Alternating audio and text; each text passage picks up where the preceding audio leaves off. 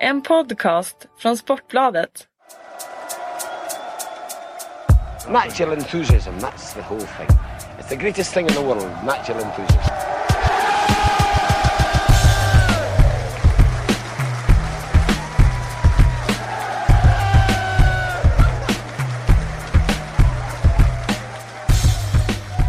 Hälsar vi förstås välkomna till Sportbladets Premier League-podd, även känd som Sportbladets PLP.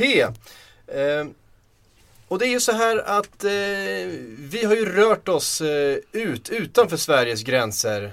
Vi, det har nämligen slagit oss att vi har en hel del lyssnare i Norge. Eh, så kanske ska vi göra en viss procent av programmet på norsk. Eh, svaret för exempel på spörsmål eh, vart uke på norsk. Vad tror ni? Kalle och Erik? Är det något som... Eh, jag är inte helt hemma på norska så att jag tror att jag får hålla mig till svenska faktiskt. Vi kommer ju då till, till Som det- tur är så, så förstår de ju det där borta. Jag gjorde faktiskt en tv-sändning i Norge förra säsongen. Var där under en studiedag och jag förstod ju ingenting de sa och de förstod allt jag sa. Men det var ju lite komplicerat just att svara och chansa på vilka frågor jag egentligen skulle svara på. Men eh, ja, det fick, det fick gå då också, det får gå idag med. Mm. Sen kommer man ju snabbt till det problemet att om vi ska anpassa oss efter en norsk marknad så måste ju en viss procent utav procenten på norska då eh, ske på nynorsk. Och, och, och lyssna nu. Och jag tror inte det blir särskilt grej. Det, jag tror att det var nynorsk. Ja, ja, jag, jag kan inte bedöma kvaliteten i Nu har vi i detta. alla fall uppmärksammat våra norska lyssnare. Välkomna säger vi även till dem. Espen Bårdsen, vad hände med honom egentligen? Ja, familjen Flo sitter samlad tror jag. Ja, det hoppas jag, det hoppas jag. Ehm, Jostein, Havard, Torane, var alla släkt, alltså alla nära släkt där eller? jag tror det. Ja, jag tror Man- jag också när du jag säger tror att de var sy- syskon, eh, ett gäng där. Typ tre bröder kanske, lite Elm. Ja, så är det någon jag glömt bort, det är väl Jostein, Havard och Torane man kommer på. Eh, Tora Tora André. André. ja, varför säger jag Torane? Torane Fredheim. Tor- Tor-Arne Fredheim. Från Hallstahammar faktiskt, Tor-Arne Fredheim. Ja, där, där är Eh, bara en sån sak. Eh, Vi har en hel del att prata om. Det har ju spelats en massa fotboll bland annat sen vi spelade in senast. Roy Keane har sagt upp sig. Frågan, frågan är varför. Eh, Vi ska, vi ska spekulera lite kring det tänkte jag. Eh, Det har protesterats mot biljettpriser och eh, några spelare som kanske inte har fått eh, den eh, mesta rosen den här säsongen har fått lite revansch den senaste veckan får vi säga. Jag tänkte vi skulle börja där med några unsung heroes. Ja, men nu får Fast vi- det är väl fel uttryck Ja, igen. jag med Flo. bromsa upp här, jag måste reda ut Flo-klanen. här. Ja, red ut Flo-klanen. Har du den? Alltså Tore André Flo, den kanske mest välkända i Premier League-sammanhang, som ju gjorde sånt avtryck i Chelsea, var brorsa med Jostein Flo. Och där finns det även en tredje brorsa som heter Kjell Rune Flo, som tydligen spelade för Molde. Han är inte speciellt bekant för med. Håvard Flo, som ju var i Wolves ett tag, är tydligen kusiner med den här liksom flostommen. Där ser jag nu, det även finns en lirare som heter Jarle Flo som spelade för Sogndal. Så de har tydligen, det är en skara med fyra brorsor som är sen kusin med Håvard Flo. Sen finns det någon som heter Ulrik Flo som är någon brorson, det vet jag inte alls vem det är. Han ska, han ska tydligen också nämnas. Ulrik Flo spelar också i Ulrik ska Sogndal. nämnas. Det tycker jag. Bra släkt ändå. Ja, det får man verkligen säga. Oerhört bra släkt. ja. Eh, Har vi, har, har vi något motsvarande i Sverige? Det kanske kan bli familjen Larsson då? Familjen Hysén? Ja, jag har ju faktiskt eh, lyssnat eh, på Offsides podcast och de har ju ägnat faktiskt precis den här frågan stor uppmärksamhet de senaste veckorna. De har framförallt fokuserat på klanen Augustsson som var så omfattande att de fick ihop en hel elva. Visserligen Oj. med lite lån från hockeyvärlden och så. Men den var Oj oerhört omfattande. Sen är det väl i och för sig inte frå- frågan om inte den norska Flo Klanen har ännu lite mer spets. Visst, det fanns ju någon breddspelare från VM 74 och så i Augustonsläkten, Men eh, Flo, de är ju förmodligen ändå, de får nog kanske inte fler meriter, men vassare meriter skulle jag nästan ge dem. Ja, alltså Tor André var ju en eh, superprofil slutet på 90-talet får man säga i, i ett väldigt profilstarkt Chelsea. Han gjorde några mål på White Hart Lane i den där 1-6 förlusten som ju fortfarande är betydligt värre i mitt Chelsea-Tottenham-minne än 3-0 förlusten från den här veckan. Men om vi är inne på Chelsea-Tottenham sådär, så rent släkt sådär, så Rednap, Lampard-klanen med pappor har ju också Ja. rätt bra meriter. Eh, och säga. tunga meriter jämfört med eh, Flo-släkten. Ja det får man säga. Ehm, JV Redknapp en, eh, hade en stor plansch med, med, med Jamie, Jamie Red, Redknapp över sängen när jag var sådär 14. Jag tyckte aldrig han var så bra som han påstods vara. Visst, han var liksom en eh, elegant, kultiverad innermittfältare som i teorin hade förmågan att spela liksom 90-talets box-to-box-spel. Men jag tyckte även före knäskadorna att hans rykte var större än hans förmåga. Och sen är det klart att han ibland såg just elegant ut. Han kunde diktera ett matchtempo när han fick spela matchen efter sina egna villkor. Men han var den där typen av spelare som jag upplevde var ganska enkel att eh, få slag på. Att eh, trycka ner som motståndarlag.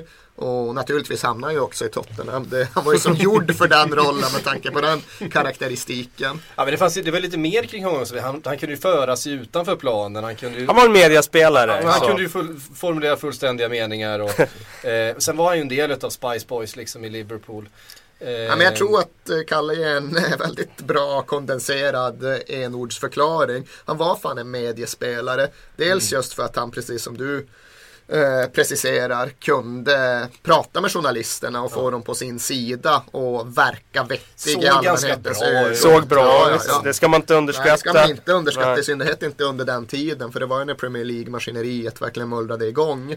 Men sen dessutom just det faktum att han hade Redknapp-släkten på sin sida. Och de har ju alltid haft en väldigt nära relation till en stor del av den brittiska journalistkåren.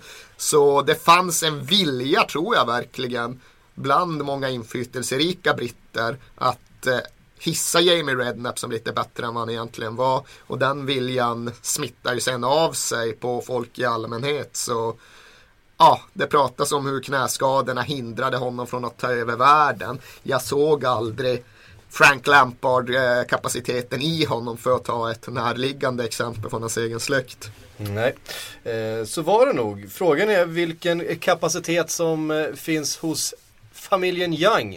Jag tänkte när vi skulle prata lite grann om Ashley Young, kanske den mest utskällda spelaren de senaste två säsongerna. Ja, med all rätt får man ju ändå säga att han har varit utskälld. För Ja, att han har ju varit utskälld av eh, ett skäl som jag tror alla kan se och som även hans mest eh, lojala fans också var tvungna att böja sig inför. Ja, och det har inte bara varit eh, svaga prestationer, det har handlat om filmningar, det har liksom handlat om så väldigt mycket annat. Men den senaste veckan inte minst, en, en liten revival för eh, eh, Ashley Young. Och kanske en liten glimt av det vi ändå kunde se i, precis när han kom till Manchester United och faktiskt gjorde ett, ett avtryck i, i början på säsongen där för, vad är det nu, tre år sedan. Ja, det är ju stor revival skulle jag säga. För att eh, jag kunde inte se att en så offensivt lagd spelare skulle kunna gå ner och spela ytterback i en fyrbackslinje. Nu har han ju tagit steg för steg. Först eh, var han ytter och sen blev han ytterback i, i eh, fembackslinjen. Och det är... Eh, ja, det steget är inte så långt att ta. Men nu har han ju faktiskt spelat ytterback, vänsterback i en fyrbackslinje.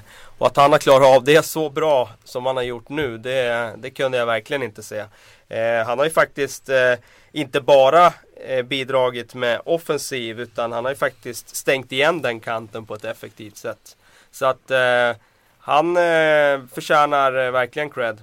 Mm. Och nu är det ju lite för tidigt för att eh, uttala sig kring hur varaktig den här revivalen kommer bli. Jag är inte helt övertygad ännu, men det är ju samtidigt lite av poängen med Louis van Gaal. Att han ska se den här typen av saker som vi andra inte klarar av att förutse. Han ska klara av att skola om spelare, att hitta deras eh, rätta position för att eh, fullgöra sin potential och så vidare och så vidare. Det är en del av hans styrka men det är också en stor del av hans myt. Han vill ju vara tränaren som just klarar av att göra den där typen av korrigeringar. Ashley Young sa ju själv redan i somras att ja, men Louis van Gaal kommer vara väldigt bra för mig. Han, har, han förstår min roll och, och så vidare. Och, och, och, kände nog själv att på träningar och, och, så vidare att han, han fick ut lite mer av sitt eget spel. Eh, där han blev placerad av eh, Louis van Gaal. En annan spelare som varit extremt utskälld, kanske inte har gjort eh, samma typ av revival men han gjorde i alla fall ett mål, Glenn Johnson. Eh, och fick eh, lite upprättelse för, för eh, alla de eh, glåpord han har fått ta de senaste säsongerna. Eh, som både vänsterback och högerback. Jag tycker han, han, han ser ungefär likadan ut vart han, vilken kant han än spelar på. Vad säger ni om Glenn Johnson, eh, anno 2014-2015? Det förvånar mig lite att han inte har lyckats bättre i Liverpool faktiskt. Eh, jag tyckte att han, när de värvade honom, kändes det som en vettig värvning. Även om det var en, kanske mer pengar än vad som var hälsosamt att lägga på en ytterback då. Eh, men att han har agerat så här som han har gjort när han ändå har den CVn han har och har varit i de klubbarna han har varit tidigare. Det, det förvånar mig ändå. Eh, att han har han ändå liksom varit hyfsat ordinarie i landslaget under en tid att han inte är mer solid defensivt än vad han har varit det senaste året. Det, det förvånar mig verkligen. Eh, så att eh, jag, jag skulle tro att han eh, försvinner inom en snar framtid. Trots att han nu avgjorde senast och fick en ja, liten revival. Mm. Ja, men det finns ju någon form av generell diskussion att ha där. Eh, och jag tycker att den är väldigt viktig när det kommer till utvärdering av framförallt en spelares potential. Jag vet ju att vi har varit inne på det tidigare men det är ju deras förmåga att bli coachade. Att lära sig saker, att bli bättre som en konsekvens av sina misstag och sina brister. Och den förmågan har ju Glenn Johnson inte riktigt haft. Jag tyckte han var fantastiskt bra när han först kom fram när Chelsea tog över honom till West Ham, eller från West Ham. Och då kände jag att ja, om han bara fortsätter utvecklas så har vi en försvarsspelare i världsklass här. Problemet var ju att nej, han fortsatte inte utvecklas. Visst, han gick ner till Portsmouth och, och fick någon form av eh, uppstuds i karriären där. Men det handlar nog inte så mycket om att han blev så där fantastiskt mycket bättre utan det handlade om att eh, sammanhanget passade honom. Kraven var lite mindre. Det gick att göra en del misstag utan att säsongen för klubben med Champions League-ambitioner förstördes ändå.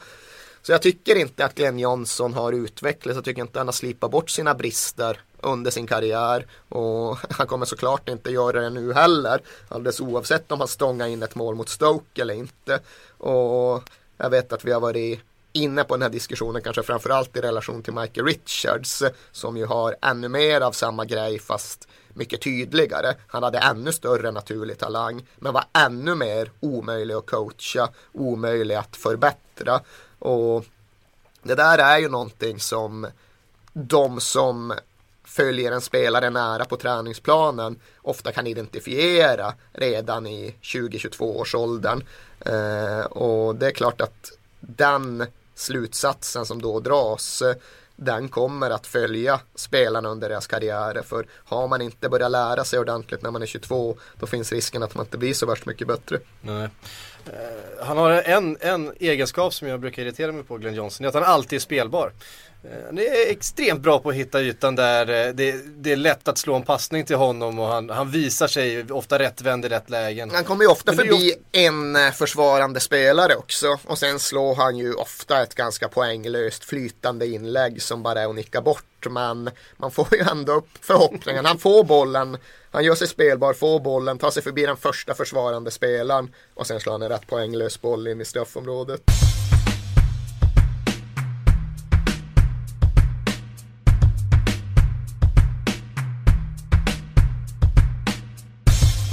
varit en, en deprimerande vecka ur resultathänseende på flera sätt. Och nu ska inte fastna i Chelsea-Tottenham, men det har ju blivit det här att alla man väntar sig i grund och botten ska vinna har också vunnit. Mm. Det har liksom haft funnits den där känslan att ja men vad fan, rätt mycket kan ändå hända på övre halvan den här säsongen. Och nu vinner Arsenal och Manchester United och Liverpool och Manchester City. Och Chelsea. Ja, Chelsea fick Ja. fyra poäng men liksom alla de som man förväntar sig ska utgöra toppkvintetten vann två raka matcher. Bortsett från Chelsea som tog fyra poäng och seglade vidare ändå. Så det gör ju att jag känner mig rätt övertygad dessvärre i december om att det blir Chelsea, Man City, Man United och Arsenal som tar Champions League-platserna. Att Liverpool kommer vara femma eh, och att det inte händer så mycket spännande därefter. Southampton, det kanske kan bli en kamp om femteplatsen mellan Southampton och Liverpool och West Ham, Everton, Om eventuellt Spurs ja, kan ja, kanske men- stångas där. Men liksom så mycket mer spännande än så blir inte skiktningen. Och det känns i mina ögon jävligt deppigt att konstatera i början av december. Man vet vilka som vinner, man vet vilka som spelar Champions League. Man har en ganska bra idé om vilka som kommer vara med i nedflyttningskampen. Och där står vi. Man drar ju, dras ju lätt med i den där naiva liksom, entusiasmen om att eh, i år kan det bli ett... Eh, Öppnare en än någonsin. Ja precis, Ja, precis. men lite så. Men eh, jag hade exakt samma känsla igår när resultaten, att ge det tre veckor så kommer tabelltoppen se ut precis Kan det finnas som, en, eh, som en- vi har en- vant oss vid. Kan det finnas en faktor av också att eh, de här topplagen hade väldigt mycket spelare i VM. Ja. Eh, som nu har liksom fått, fått hitta tillbaks liksom i, i, i sin vardag i sina klubblag. Och de har bredare trupper, nu är det tajta matcher här. Eh, det ger också utslag. Eh, så att... Nu Eh, kommer de inte vara uppbundna av Champions League eller Europaspel under de närmsta två månaderna utan kan liksom lägga fokus på ligaspelet i ännu högre utsträckning vilket också kommer ge utslag. Så you watch them go. Jag var så naiv igår så när Tottenham startade bra igår så, så, så, så gick jag faktiskt in på live betting och tänkte så här. Plötsligt händer det. Stod ju åtta gånger pengarna. Tänkte så här. Kane har nickat i ribban. Kane har haft ett läge och, och liksom eh, borra in 1-0 där när han fick en gratis av Ca- Cahill där. Tänkte nu, nu händer det. Efter 25 år här, nu är det dags att vinna. Men ja. Jag Som sagt, jag- jag känner som sagt samma det är, sak lätt, med- det är lätt, lätt att ryckas med. Jag kan försäkra dig att jag inte gjorde samma analys av, av matchupptakten. Jag gjorde samma sak med Sunderland där när de fick ett mål eh, i, i första halvlek.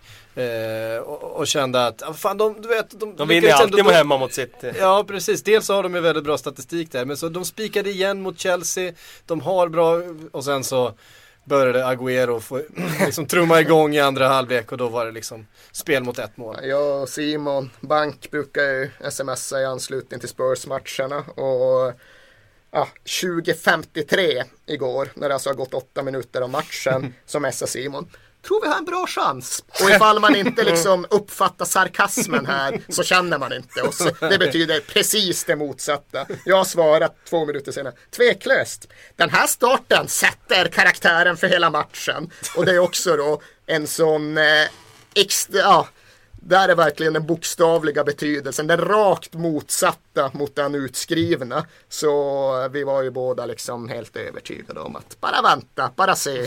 Så blir det 3 eller 4-0 till Chelsea den här gången också som det alltid blir nere på den där jävla Fan, arenan. fantastisk statistik att senast ni vann på Stamford Bridge var samma dag som Mandela. eh, Ma- Mandela fick sin fri, frigivelse. Ja, det är helt Upplyftande, otroligt upplyftande. eh, att, eh, att det sammanträffar på det sättet. Ja, vi har ju aldrig vunnit i den nya engelska fotbollsvärlden i ja, sen Premier League-starten som folk refererar till som någon form av historiens början och det är ju på ett sätt rättvist att göra det för det var ju det som- en annan som- engelsk fotboll tidigare och en annan nu. Om man ser det fanns ju stillbilder från den där matchen som cirkulerar i pressen den här veckan. Och man ser när Spurs-spelarna jublar, jag tror det är det är efter David Howells mål, men då ser man i bakgrunden så stora segment av ståplatserna på Stamford Bridge som är helt tomma. Det är liksom bara de här eh, barriärerna, de här räckena som man lutar sig mot man ser och så ser man betong. Och det är en bild av både vad som har blivit bättre och vad som har blivit sämre sen sist. Jag vet inte, men jag inbillar mig att den matchen kanske spelades inför 25 000 åskådare på ett Stamford Bridge som tog 35 på den tiden, kanske 40. Så det var ju inte fullt, men eh, de som var där Hade de kul. eh, hade kul på sitt sätt. De eh, var de som alltid har gått och det var de som inte går på Stamford Bridge längre. Så det var... Kan det finnas eh, bra och dåliga saker? det med? kan det, det kan det. Den tredje spelaren som jag tänkte ta upp eh, är väl inte på samma sätt en spelare som har blivit eh, direkt kritiserad. Eh, Men som ändå stod för en fantastisk insats i helgen och det är Lee Cattermole. Eh, som ju på egen hand tog hand om ligans bästa in i mittfält eh, i Matic och, och Fabregas. Och det är kanske så man ska eh, tas med dem. Man, man sätter någon som är ännu värre på dem. ja, men eh, jag måste säga att jag, jag får nog ändra åsikt där när det gäller Lee Cattermole. För jag har nog eh, haft den där allmänna, alltså tagit in den här allmänna bilden som många har haft av honom. Att han är en hårding som ja, är begränsad i sitt eh, fotbollsutövande. Men eh, Alltså jag var ju borta här nu och såg han faktiskt eh, live mot eh, Crystal Palace här och eh, måste säga att jag var väldigt, väldigt imponerad av honom i den matchen då. Och la verkligen märke till honom då att alltså, han, han har ett större spel i sig. Och nu den här matchen han gjorde mot Chelsea, den var ju alldeles fullständigt fantastisk. Eh, det, det, var, det var en lik som man inte har sett tidigare. Nu var det verkligen som att även om man har liksom haft kvaliteter som man kanske inte alltid har visat tidigare så nu har han ju skruvat upp det här en nivå. Alltså nu kunde han ju ta fram bollen i plan på ett sätt som, som eh, som Yahya Touré gör ibland när han är på rätt humör. Han eh, slår passningar med yttersidan som sitter på, på läppen på killen ute på kanten. Alltså, han, eh, han har verkligen skruvat upp en nivå. Och det man ska komma ihåg är att han har ju varit med väldigt, väldigt länge. Men han är inte så himla gammal. Så att eh, han har nog, eh, kan ha väldigt fina år framöver eh, som central mittfältare där man också kan i en position där man kan leva ganska länge på rutin och sådär. Så att han har nog eh, stora chanser att faktiskt få en chans i engelska landslaget framöver. Han var väl en del av det U21-landslaget som slog. Sverige på straffar där eh, mm, 2009 var det. Han hade ett skott i ribban i finalen. Det är fullständigt bortglömt med tanke på hur den matchen utvecklade sig. Ja. Eh, men det är väl inte så mycket att säga om. Men det var ändå 2009. Då hade han ju redan då varit med ett tag. Jag minns ju honom först, eh, jag ska inte säga först och främst, men min första mitt först, första gången han gjorde intryck på mig det var när han spelade för Middlesbrough nere på Olympico i Rom och liksom ran the show som 17-åring mot Roma i Uefa-cupen. Och då kände man ju att jäklar vad är nu detta för någonting. Eh, men jag skulle väl ändå vilja diskutera honom utifrån ungefär samma premisser som jag pratade om Glenn Johnson runt. Ja men man fick ju farhågan för några år sedan att ja men det blir väl ingen direkt utveckling här på Cattermole. Och nu pratade jag tidigare om att ja, har man inte bara lära sig saker när man är 22 så kanske man inte lär sig så mycket. Nu har väl Cattermole hunnit bli, kan han vara, 25-26 måste han väl vara. Ja, 26 kan han väl vara. Mm. Och jag upplever väl att den stora förändringen i honom kom när han var tvungen att ransaka sig själv under Paolo Di Canio. För fram till dess så hade han ju ändå någonstans kommit undan med alla sina dumheter. Han liksom var ute och svina på stan och han fortsatte ta röda kort och kasta sig in i situationer. Men han fick ändå spela vidare. Och nu ska jag inte sitta och lyfta Paolo Di Canios tränargärning i Sunderland. men han skickade ut katten och sa liksom, ja, men det här funkar inte. Liksom, det är bara att glömma. Det, det vad blir någon annan som spelar in i mitt fältare här? Och den bedömningen säger jag, den liksom är inte huvudsaken här utan huvudsaken är Kattemos reaktion på den. Han eh, rannsakade sig själv, kom fram till att nej men okej, någonting finns det väl kanske här som jag också måste ta till mig och som jag också måste förändra och förbättra. Och det har gjort att under på tiden så har han ju enligt eh, Poirier själv visat en jävla träningsvilja och utvecklingsambition.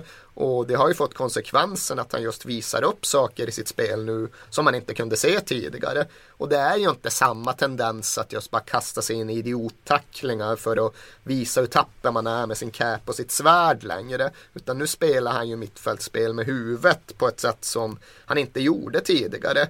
Och man återkommer liksom till det där. Ja, men när man pratar om den individuella spelarens utveckling, hur stor är den individuella spelarens vilja att eh, utvecklas? Hur stor är hans förmåga att ta in det som behöver göras?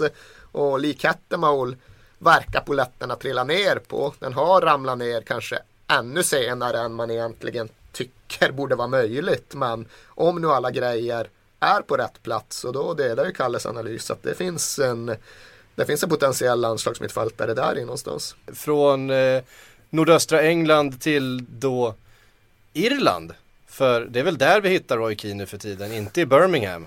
Cork hittar vi honom. Cork ja, precis. Ehm, lämnade Aston Villa efter den officiella förklaringen är ju att eh, han ska fokusera på, på sitt jobb med landslaget med Martin O'Neill. Men det surras ju om att det finns en, eh, att det har varit en bust-up helt enkelt. Att han inte har kommit överens med några av spelarna i laget helt enkelt och, och därför helt enkelt valt att, eh, att lämna klubben. Det är inte helt otänkbart att, att Roy Det Keane ska ha ryckt känns, det ihop känns snarare tänkbart eller sannolikt till och med att det är så. För att varför skulle han säga att han fokuserar på landslaget nu när det inte ens spelas några landskamper förrän framme i mars i princip. Eh, då skulle han väl ha gjort det då i så fall. Och då kan han kunna vänta säsongen ut i princip med att ta det beslutet. För då hade det ändå bara varit en och en halv, två månader kvar av säsongen.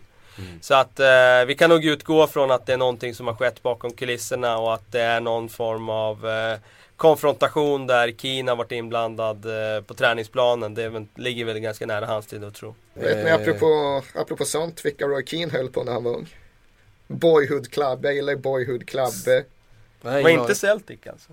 Ja, det är väl alla på Irland har väl Celtic i någon mån. Men eh, en engel, den engelska klubben han påstod sig supporta. Middlesbrough. Ja, det var jävligt random. Ja. Det var Middlesbrough. Tottenham. Tottenham. Vi, för, ja, vi försökte ju få det, loss. det, det, det, det, det limmar inte alls. Nej, apropå Det limmar just det där absolut med att inte våra innermittfältare har ju alltid varit Jamie Redknapp-typen. Ja. Liksom chimärt eleganta och jävligt veka liksom. Så jag vet inte fan vem Keane egentligen hade som förebild. Han är ju lite för gammal för att vara Gassa-smittad liksom. Ja, han men vi definitivt. försökte ju bryta loss honom när varit- vi skulle Det var ersätta väl Gassa. Hoddle och Waddle. Ja men nej nej alltså är han är för ju, sent. ja ja för helvete han växte ju upp. Roy Keane, när kan Roy Keane vara född? 72 va? Ja, då är liksom ja, men tidiga 80-talet. Alltså Graham Roberts kanske han kan ha uppskattat på något jävla sätt. Ja. Eller så bara gillar han tröjorna. Ja, det, Så där kan ju Man vara. kan fundera över hur Tottenhams 90-tal hade sett ut med en Roy Keane på mittfältet. För där och då var han ju eh, precis den typ av spelare som, eh, som Tottenham hade behövt. det har han alltid varit. Vi har alltid behövt precis den typen av spelare. Karaktärsspelare men samtidigt otroligt bra. För det var, nu ska vi tänka, han kom till Man United sommaren 92. Så Påminner inte lite grann om en 26-åring vi precis pratade om. Ketterman. Det är något för Tottenham. Var det 92? Jo, det är jag rätt säker på. För jag, ja, 93 kan det fan ha Ja, varit. 93 var det. Stämmer. Jag såg Roy Keanes första match för Manchester United på plats. Eller i alla fall första match i någon form av tävlingsskrud. Charity Shield 93. Man United Arsenal blev 1-1 på gamla Wembley. Mark Hughes mål för Man United, Ian Wright för Arsenal. Det var någon form av debut för Roy Keane. Det är möjligt att han hade mött Cobb Ramblers tidigare. Men det stämmer, det var sommaren 93. Stort. Vad minns du från det? Från den matchen. Eh, jag kommer ihåg att det var enda gången i mitt liv tror jag som jag gått på fotboll med min storebrorsa. Han är helt ointresserad. Men vi var Det hedrar honom. någonstans. Men vi var på familjesemester i London den sommaren. Och av någon anledning så hakade han på på den matchen. Jag var på kanske ja, ett halvdussin eller ett tiotal försäsongsmatcher under en tre veckors period. Var bisarrt nog där precis före säsongen skulle börja. Men det var ju för att våra skolor började hemma. Men jag var så mycket. Alltså, Millwall inledde sin, invigde sin nya arena mot Sporting Lissabon. Den matchen var jag på. Sergej Juran gjorde mål för bortalaget.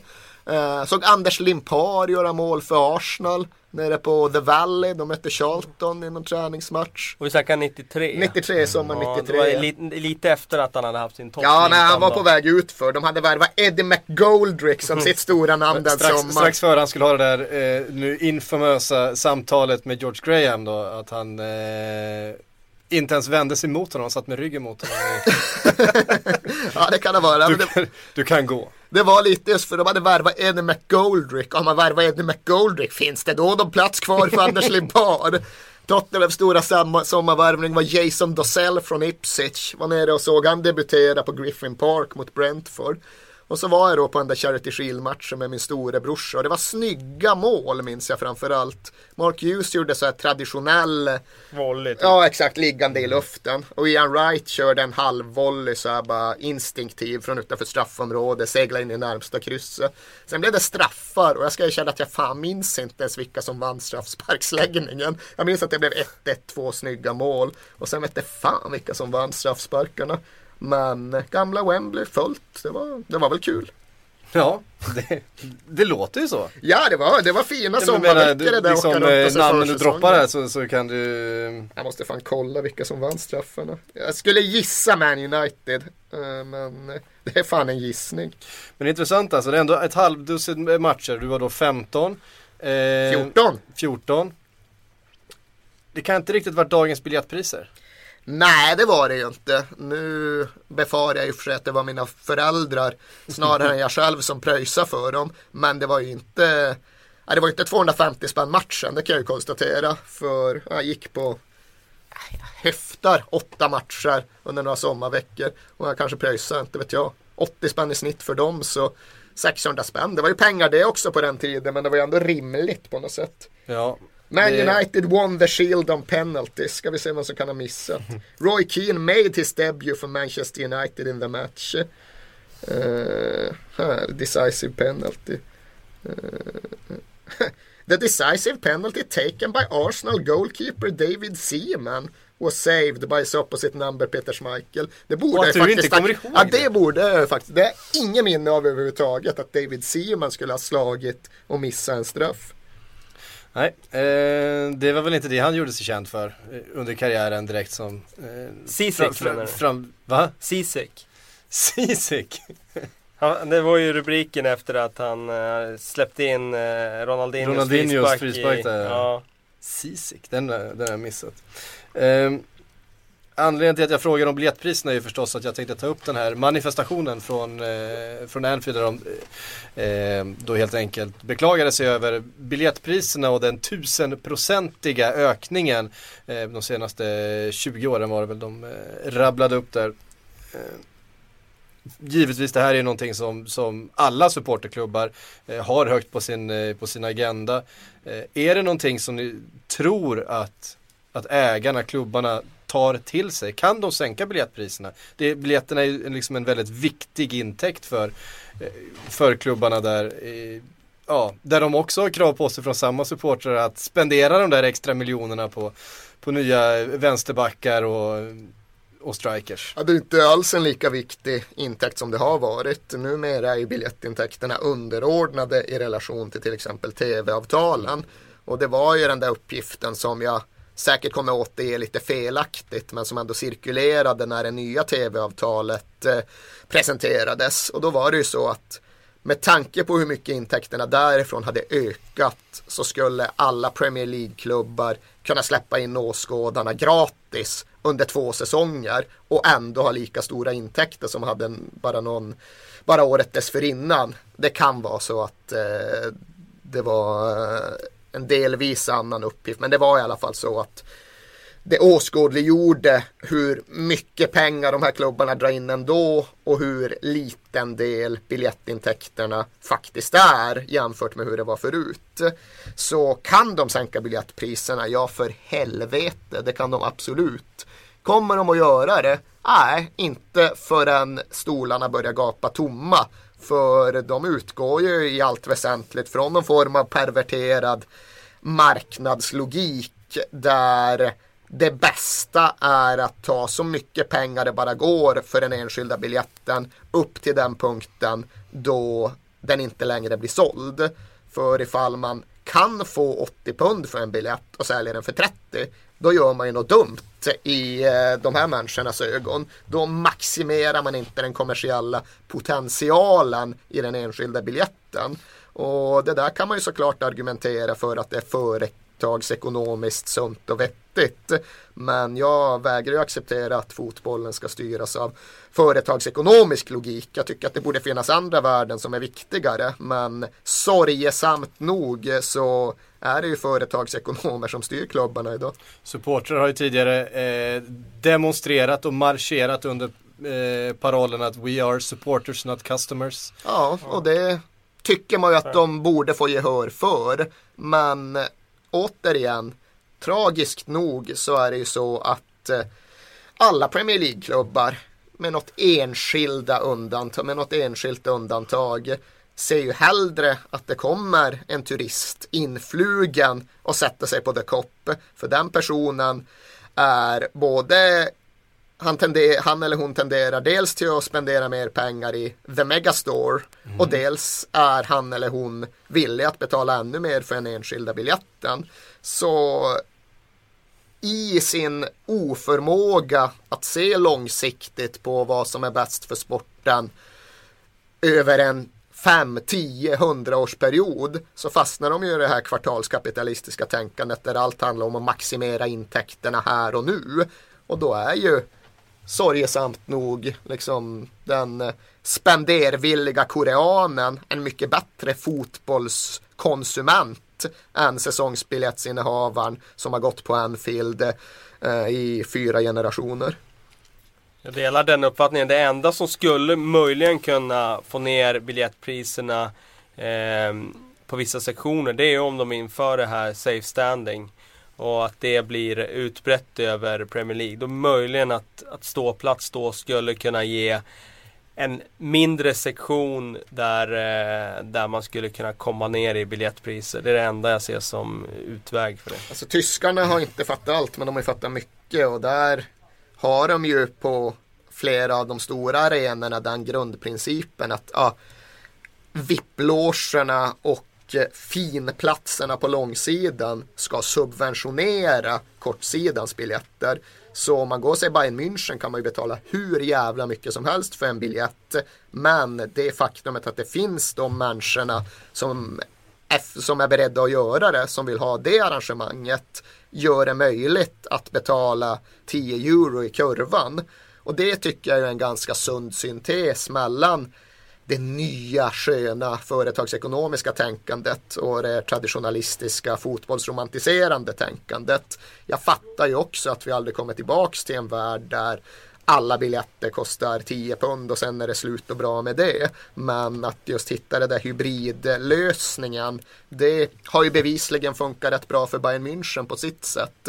Så jag tror ju verkligen att Premier League-klubbarna på många sätt eh, äter upp sig själva när de inte tänker på det här sättet. För de urholkar ju verkligen den supporterbas som har byggt upp allt det här och som har gjort engelsk fotboll som mytologiserad över världen. Vi växte ju alla upp med en bild av engelska fotbollen som liksom stämningens centrum. Det var mycket det som lockade en och det är mycket det som lockar de där turisterna från Sydkorea. Men när det inte är så häftigt att gå på Anfield längre för familjer som har flugit in från Boston och betalat en halv förmögenhet för det, då lär de ju flyga till Dortmund nästa gång, för där är det ju verkligen en upplevelse. Så det är så mycket som är fel med det där. Bara. Nej, det är, det är det stora problemet. Lite moment 22. Eh, men det har ju gett effekt också. Vi hade ju en, var det en måndagsmatch Aston Villa spelade hemma här och arenan var halvfull. Eh, en arena som tar ungefär 40 000 och där, där det var väldigt många platser som gapade tomma. Och nu tror jag att det kommer bli mer och mer konkurrensutsatt här framöver när Andra ligor har insett att eh, de måste också dela omgångar. Eh, jag menar spanska ligan nu. Eh, de, eh, förut så, var, så hade de matcher som låg på tider när, när, eh, när egentligen den asiatiska marknaden inte var uppe och såg de matcherna. De har ju förändrat det helt och hållet i Spanien nu eh, spela tidigare matcher. Eh, jag tror att liksom de hjulen kommer att snurra här framöver och Premier League kommer bli konkurrensutsatt. Det finns en, en eh, bred eh, liksom eh, eh, alltså ett brett stöd nu som växer fram för den brittiska damfotbollen där biljetterna kostar 3 pund eh, snarare än, än 100 pund. Eh, det, liksom, de sålde ju väldigt bra här nu på Wembley och vad gjorde de då? Jo, de hade ju extremt billiga priser på, på den matchen när det engelska damlandslaget spelade. Då lyckades de sälja 55 000 biljetter. Så att jag tror att eh, de behöver tänka till också när det gäller det här. För att eh, det är skönt för, för den här publiken att ligga hemma i tv-soffan och, och kolla på Sky. Vi lämnar det där och eh, så är vi helt enkelt strax tillbaks.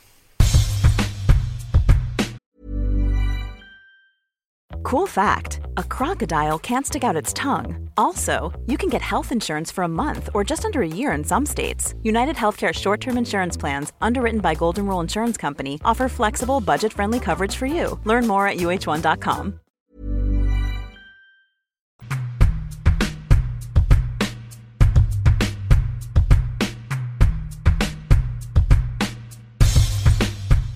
Då mina herrar tänkte jag att vi skulle eh, ge oss på frågor faktiskt. Vi, vi får alltid otroligt mycket frågor. Vi är väldigt glada för det och väldigt roliga frågor. Eh, ibland så kan jag tycka att vi avsätter lite för lite tid till att lyfta alla de här fantastiska funderingarna som finns där ute. Eh, så jag tänkte vi, vi, vi ägnar lite mer tid idag. Vad säger ni om det? Ja, varför inte? Kör.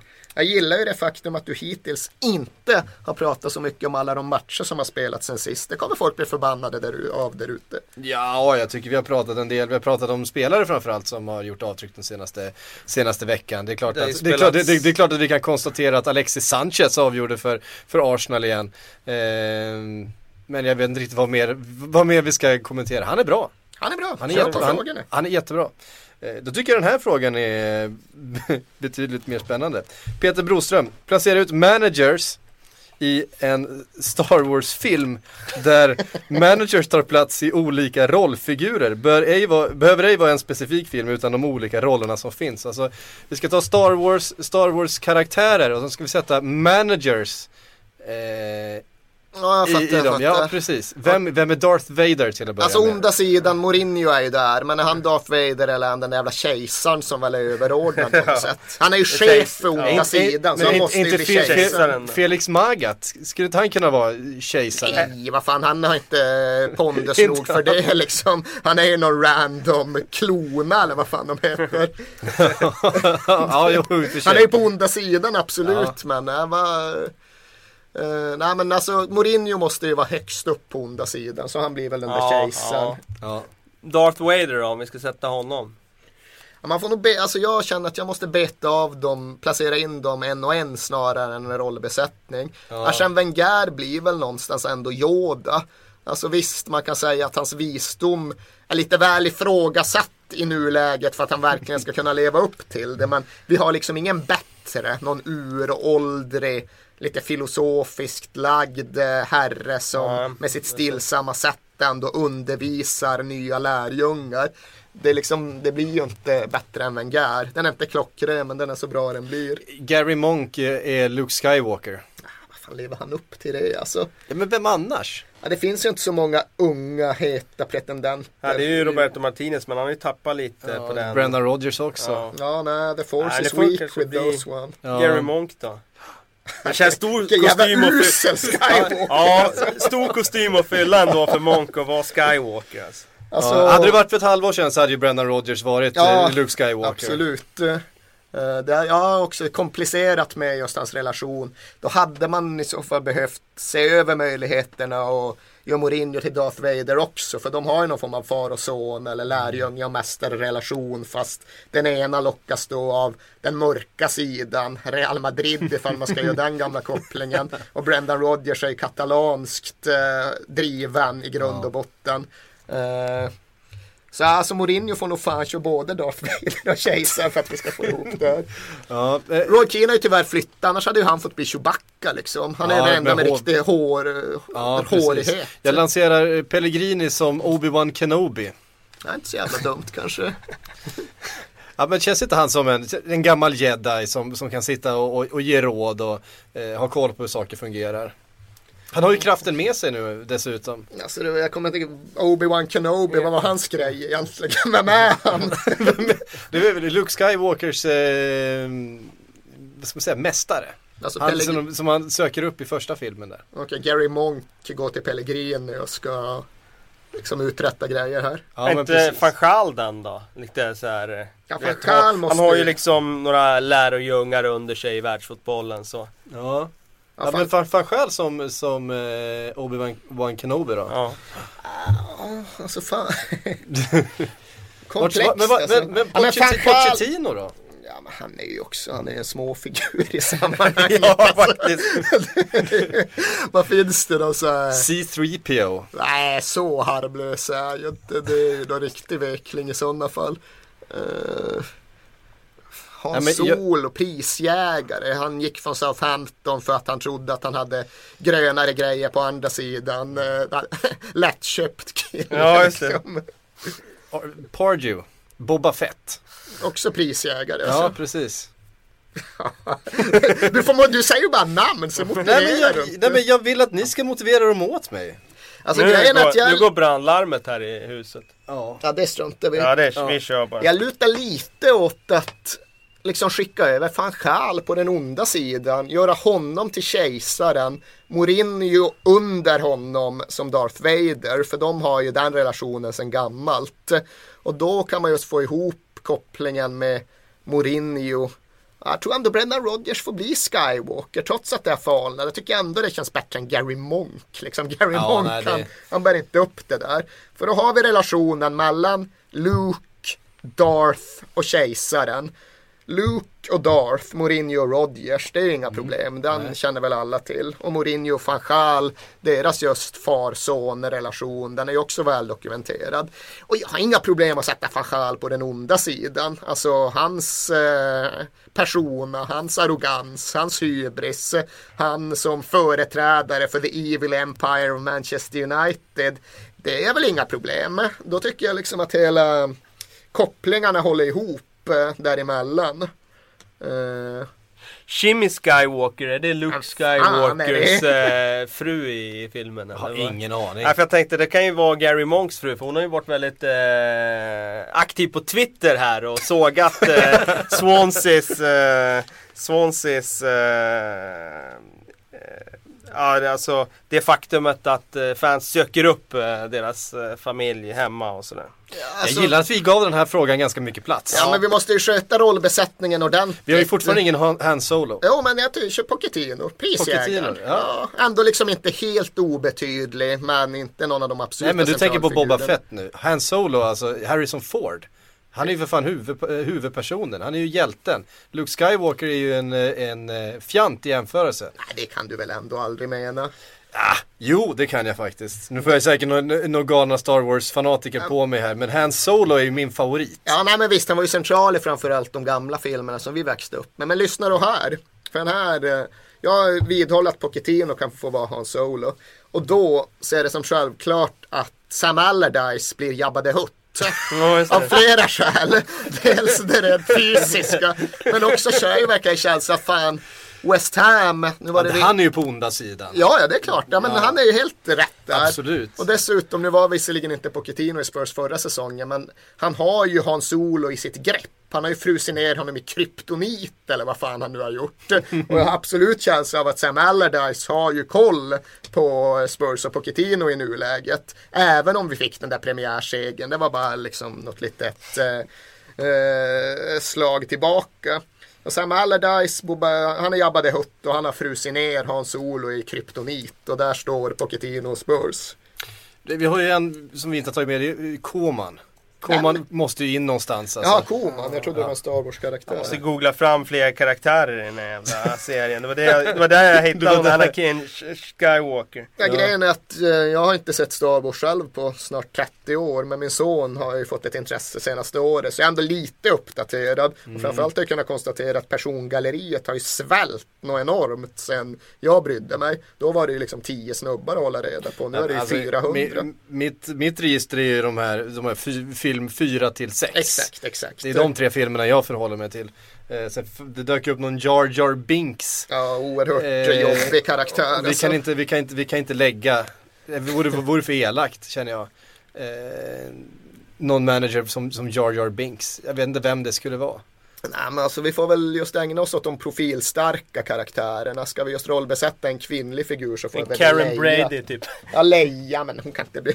Karen Brady kan inte bli Leia, det lever hon inte upp till. Sian Messi får bli Leia. Sian Messi, ja absolut. En av världens bästa flaggviftare. Ja, nu var det ju för rätt länge. Jag tycker hon har varit... Var länge som man såg. Ja, hon har varit... Hon måste ha haft färre matcher den här säsongen Ja, än tidigare. Det vill man ju veta. A. Om det stämmer och B. I så fall på vilka jävla grunder. Ja, för att eh, hon... De var ju felfri. Ja, hon är riktigt bra. Vi lämnar Star Wars där tycker jag. Känns det, känns det vettigt? Ja, det känns som att lä kommer- läsarna får hjälpa oss. Nej, Ja. lyssnarna heter Ja men de precis, ställ gärna upp ett helt galleri och skicka till oss, det skulle vi uppskatta. Eh, och på lite svar på din fråga om det här att vi inte har tagit upp någonting om matcherna, det kommer ju i frågorna sen också. Jaha, är det så illa? Eh, så är det, jag har tänkt, jag har tänkt ut det här vet du. Eh, bland annat så kommer det en från Anders Velander här. Hej, jag skulle vilja att ni hade omgångens taktiska drag. Nu får ni tänka ungefär fem sekunder medan jag läser, för, läser färdigt frågan.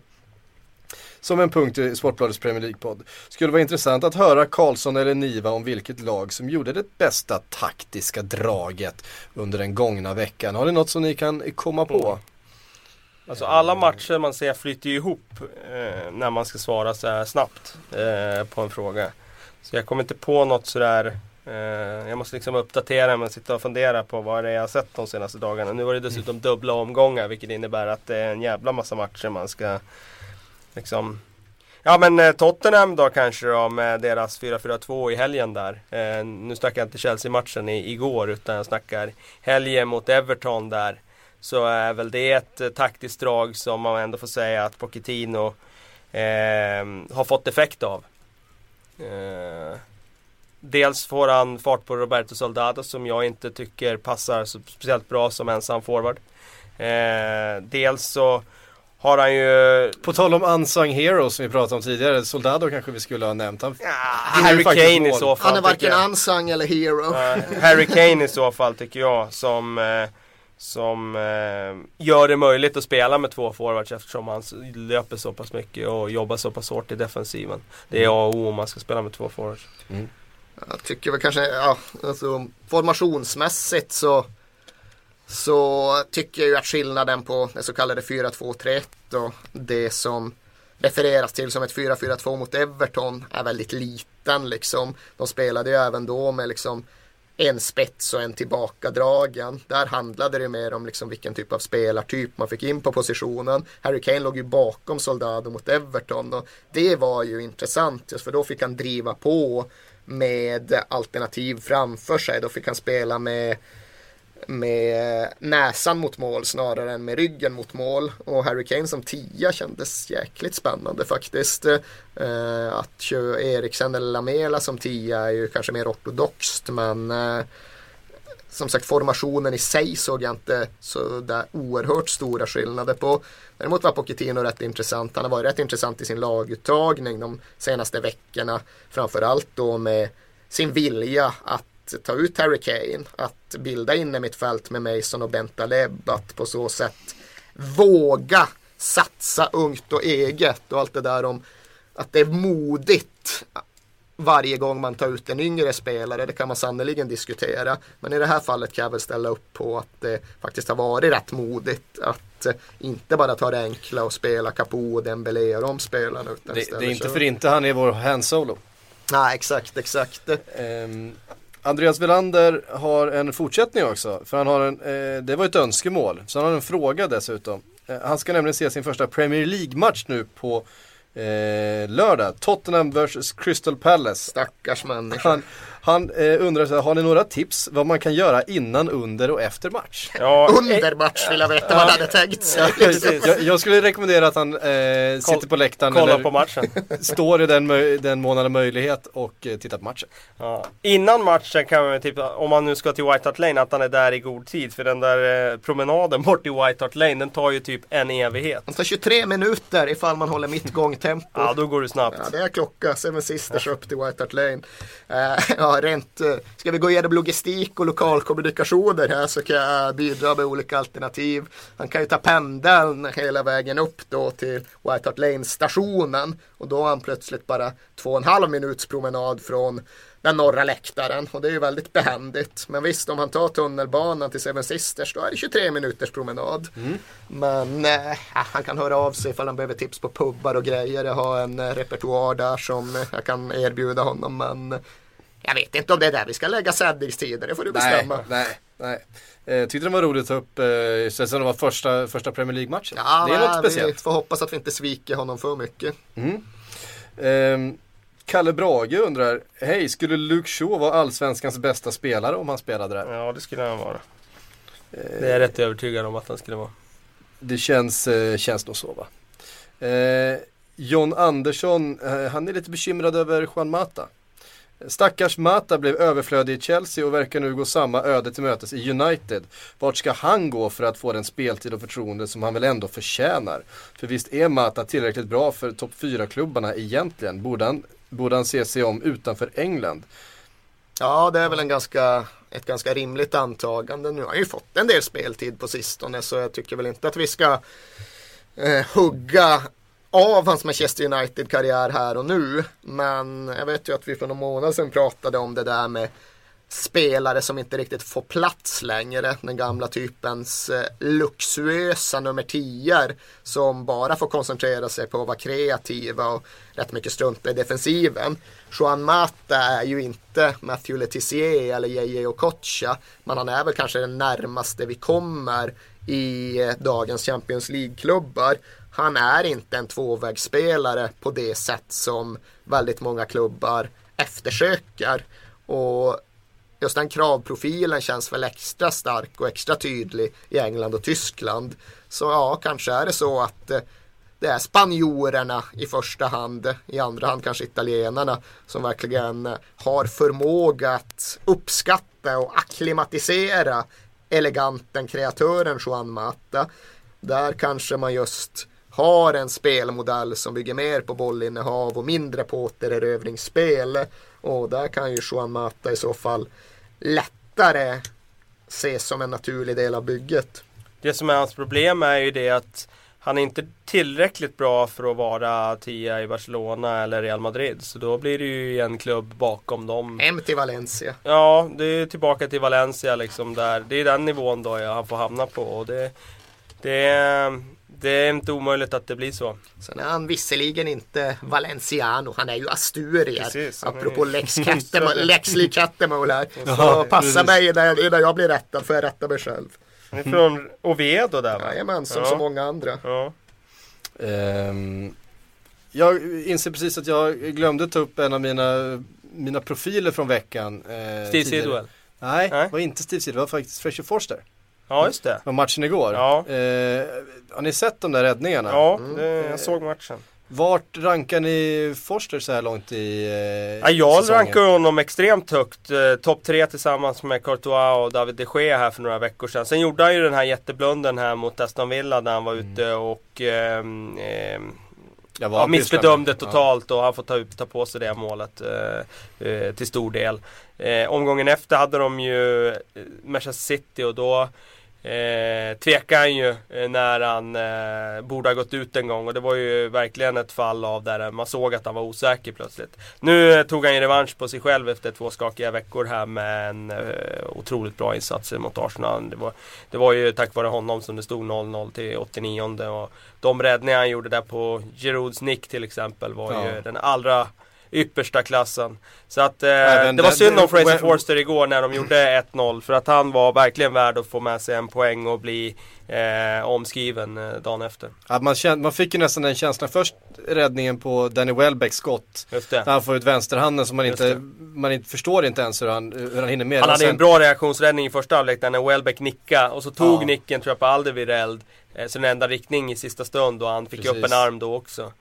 Eh, och sen då på Girouds nick som, som ju är mål. Ja. Man, man ser ju inte ens hur, hur han ska kunna ta det, men han lyckas med det. Alltså, Eh. nej men han har ju alltid, eller så länge jag har haft koll på honom, och det var ju egentligen sen han först flyttade upp till Celtic, haft en jävla förmåga att se fantastisk ut när han har sin dag.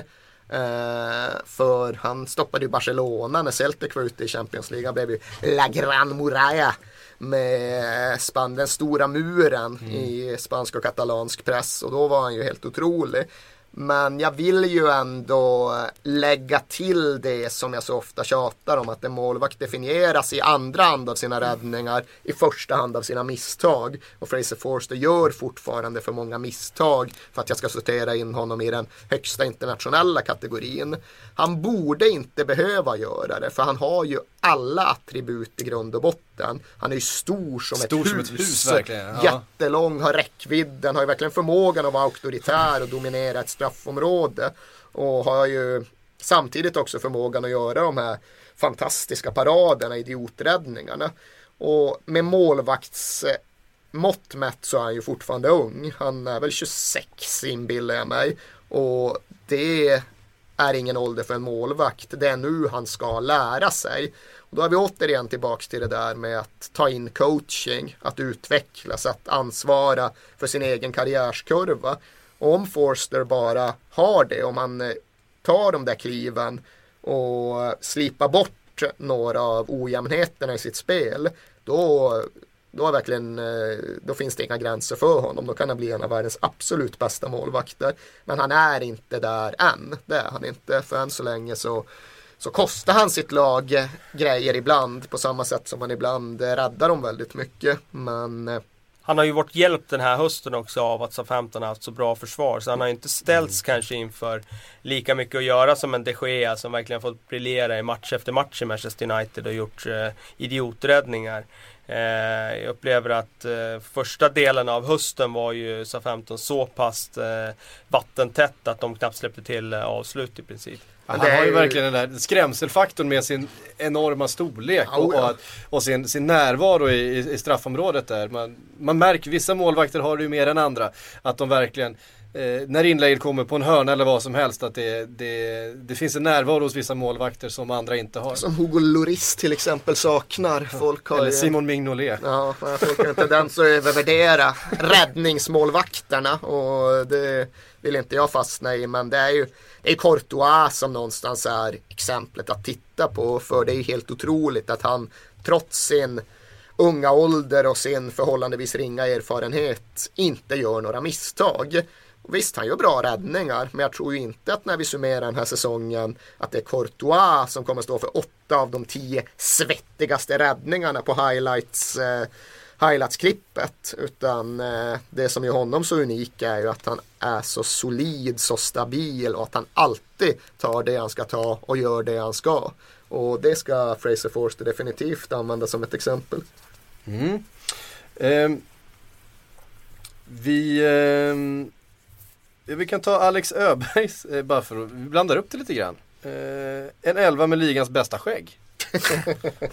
Oj. Alexi Lala spelar han fortfarande.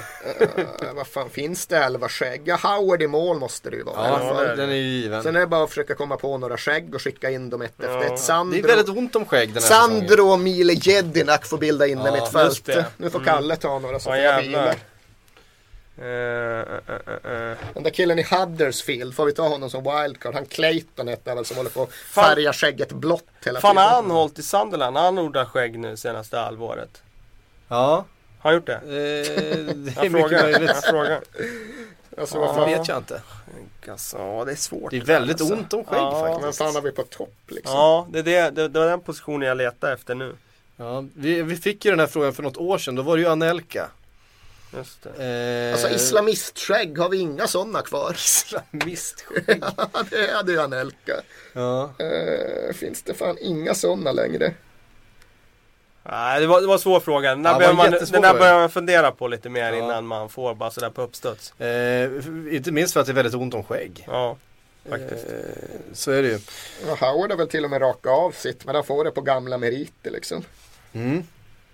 Eh, vi kan ta en eh, fråga från ska se, eh, Marcus Wangström. Eh, den är väldigt lång men jag eh, ska försöka korta ner den lite. Som Liverpool-fan börjar irritationen komma krypande. Jag har förtroende för truppen trots låga prestationer och tror verkligen Rodgers är rätt man för jobbet. Men efter 10 Premier League-matcher, 4 Champions League-matcher och 2 Liga-cupmatcher har han i princip inte provat på någon, något nytt för att få en injektion i laget. Eh, Går Rodgers och väntar helt enkelt på att Sturridge ska bli hel eller varför försöker han inte få till någon förändring i spelet när det i princip har sett lika dåligt ut Alltså mitt generella, 14 matcherna? mitt generella svar är ju att jag faktiskt tror på de här lite floskliga värdena som det brukar tjatas om. Jag tror på långsiktighet och jag tror på kontinuitet och jag tror att det i grund och botten handlar om att gnugga ihop ett lag och ett spel ifall man nu vill ha flyt i spelet. Och sen kan man ju säga att ja, men nu när det har gått förlorat så kanske inte där kruxet sitter. Om det nu var ingnuggat förra säsongen, varför är det inte nu?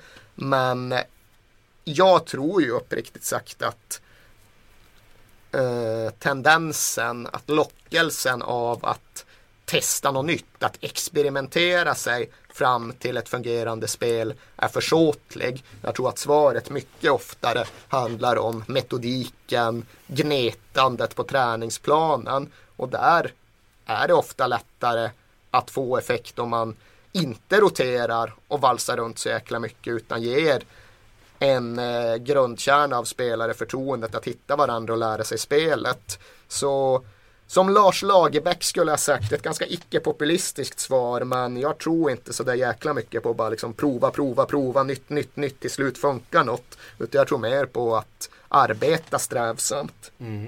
Eh, det var ju intressant här i, i helgen när man tog sin första seger på sex matcher var det väl. Eh, då mot, eh, nu har jag glömt bort vilka det var de mötte. Leicester. Stoke City Ja, som mot Stoke, Stoke- City. Stoke i helgen. Leicester. Eh, en, ett nyförvärv på plan. Från start. Resten var eh, spelare som fanns förra säsongen. Vem var det då? Makio eller? Nej. Lambert. Lambert, Lambert var det som startade. Just Eh, och av, av alla, alla nyförvärv som har kommit in så var det då den billigaste. eh, Ricky Lambert som kom i början på säsongen. Eh, men det där har vi varit inne på. Brandon Rodgers och, och värvningarna. Eh, kanske inte Men hans. det som är, om man tar i fortsättningen eh, av det Erik sa, jag håller med honom eh, i mycket av det. Och jag bollar tillbaka till frågeställaren. Vad, vad, på vilket sätt skulle han ha förändrat? Vad skulle han ha gjort? Jag Vad, tror- vad liksom, Jag tror många hade velat se en eh, Emre Can eh, som har gjort det helt okej när han har fått chansen istället för en Lukas eller eh, i vissa fall även istället för en Steven Gerrard. Många hade velat se Men den- en den Moreno istället för, för, för Glenn Johnson. Eh, han, han gjorde ju förändring nu när han plockade upp Gerard högre upp i banan och, och så. Så att han, han har ju gjort smärre förändringar. Men eh, frågeställaren hade alltså velat säga drastiska förändringar. Ja. Sen undrar man ju vad Borini har gjort för att inte ens finnas med på bänken när både Sturridge och Balotelli är Han vägrar bli skadade. såld till Sunderland. Klart man blir förbannad. Brendan Rodgers tycker ju uppenbarligen inte att han är tillräckligt bra. Så, är, så enkelt är det ju. För att eh, det, var, det var ju uppenbart redan i somras när att han ville bli av med honom. Kommer vi tillbaka till det här med Brennan Rodgers och värvningen för Borini var ju en av de första han skulle ha Ja, till laget. Det var ju hans favoritvärvning. Nej men där är ju också för jag är helt säker på att lockelsen och jag fattar det. Det är ju likadan själv i viss bemärkelse när man nu ser på Liverpool och funderar över deras säsong och vart allt ska ta vägen.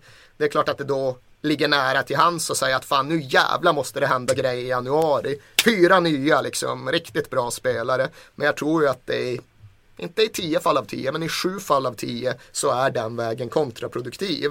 Man ska ju, det är snarare, det kan ju låta paradoxalt, eller det låter paradoxalt, men det är ju snarare när det inte funkar som man inte ska värva till en viss gräns givetvis. Men Liverpools problem den här säsongen är ju inte att det har hänt för lite i elvan och i truppen. Det har inte varit för låg omsättning på folk, utan det är ju det motsatta. Det har kommit in, det har försvunnit för många, det har kommit in för många.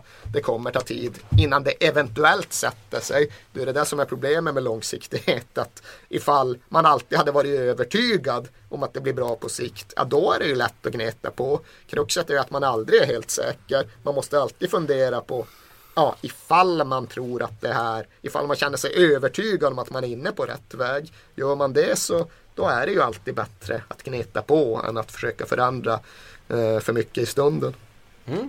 Eh, Vi har en avslutande fråga och här eh, ska vi testa era tungvrickningskunskaper. Eh, Johan Tilly vill höra hur man uttalar Leicesters ägares efternamn. Tänk att det var, jag gissade att det var det.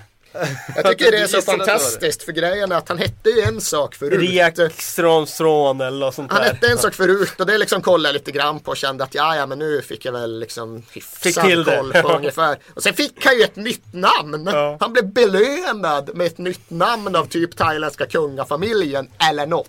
Det här kan vara lite oprecist men det var något i den stilen. Så fick han helt plötsligt ett nytt namn med ännu fler konsonanter som satt i en helt annan ordning än hans tidigare namn. Så nu har jag gett upp fullständigt. Jag ska försöka. Jag har sagt att jag ska bjuda på den. Eh, Srivad Jag tar om det. Srivad Hanna Prabha. Srivad, ha, Srivad Hanna Prabha. Jag känner inte riktigt att du liksom har någon konsekvens i ditt uttal. Det varierar från Nej, det, det ena försöket till det andra. Srivad, Det, det krävs träning innan man sätter det Sri, där. Srivad Hanna Prabha. Ja, det är, det är, Undrar det om antagligen exakt undrar om det ska klarar det själv. Det är den stora frågan. Med tanke på att han har ju fått ett nytt namn. Så Ja, han är kanske precis, inte det helt kanske liksom... eh, Undrar ifall han så här stavar fel då och då när han ska skriva under Det gör han saker eller... Men ju, alltså, jag vill, i grund och botten känner jag att jag vill gå till botten med den här jävla processen. Liksom, har han något att säga till om när han blir tilldelad ett nytt namn? Eller måste Kan han säga nej? Bara, nej, jag vill ha mitt namn. Jag vill inte ha ditt nya kunganamn här. Utan jag vill behålla det namn jag har haft. Gäller det också hela hans familj? Måste han så här, märka om alla så här galonisar på Nej, dagis? och- nej det, det kan jag svara på. För att hans brorsa är ju involverad i Leicester och han bytte ju inte namn. Nej, okej. Eh, vad jag vet. Så att, eh, nej, behöver inte byta om eh, namnlapparna på galonisarna. Men eh, just är Tack det valfritt eller är det obligatoriskt? Ja, det vet jag inte. Det vet jag inte. Det här känner jag är en eh, mycket intressantare diskussion än eh, den fonetiska. Liksom, Än eh, den kring varför Nigel Pearson satt på läktaren senaste Ja, matchen. den är, men alltså den här är ju genuint intressant. Hur funkar det i den thailändska samhällsordningen? På vilka grunder blir man ålagd att bära ett nytt namn? Vad, vilka valmöjligheter har man när beskedet kommer? Etc, etc. Mycket spännande det hela.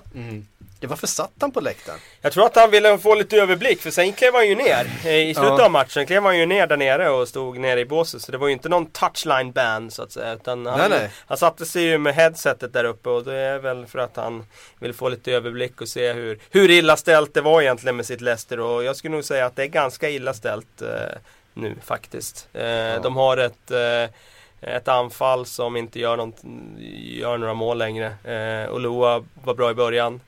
Gör eh, ingen lycklig nu. Eh, Jamie Wardy ser bara begränsad ut. Så, mina herrar. Det var allt vi hade för idag. Tack för att ni har lyssnat. Tack för att ni kom. Vi hörs om en vecka igen.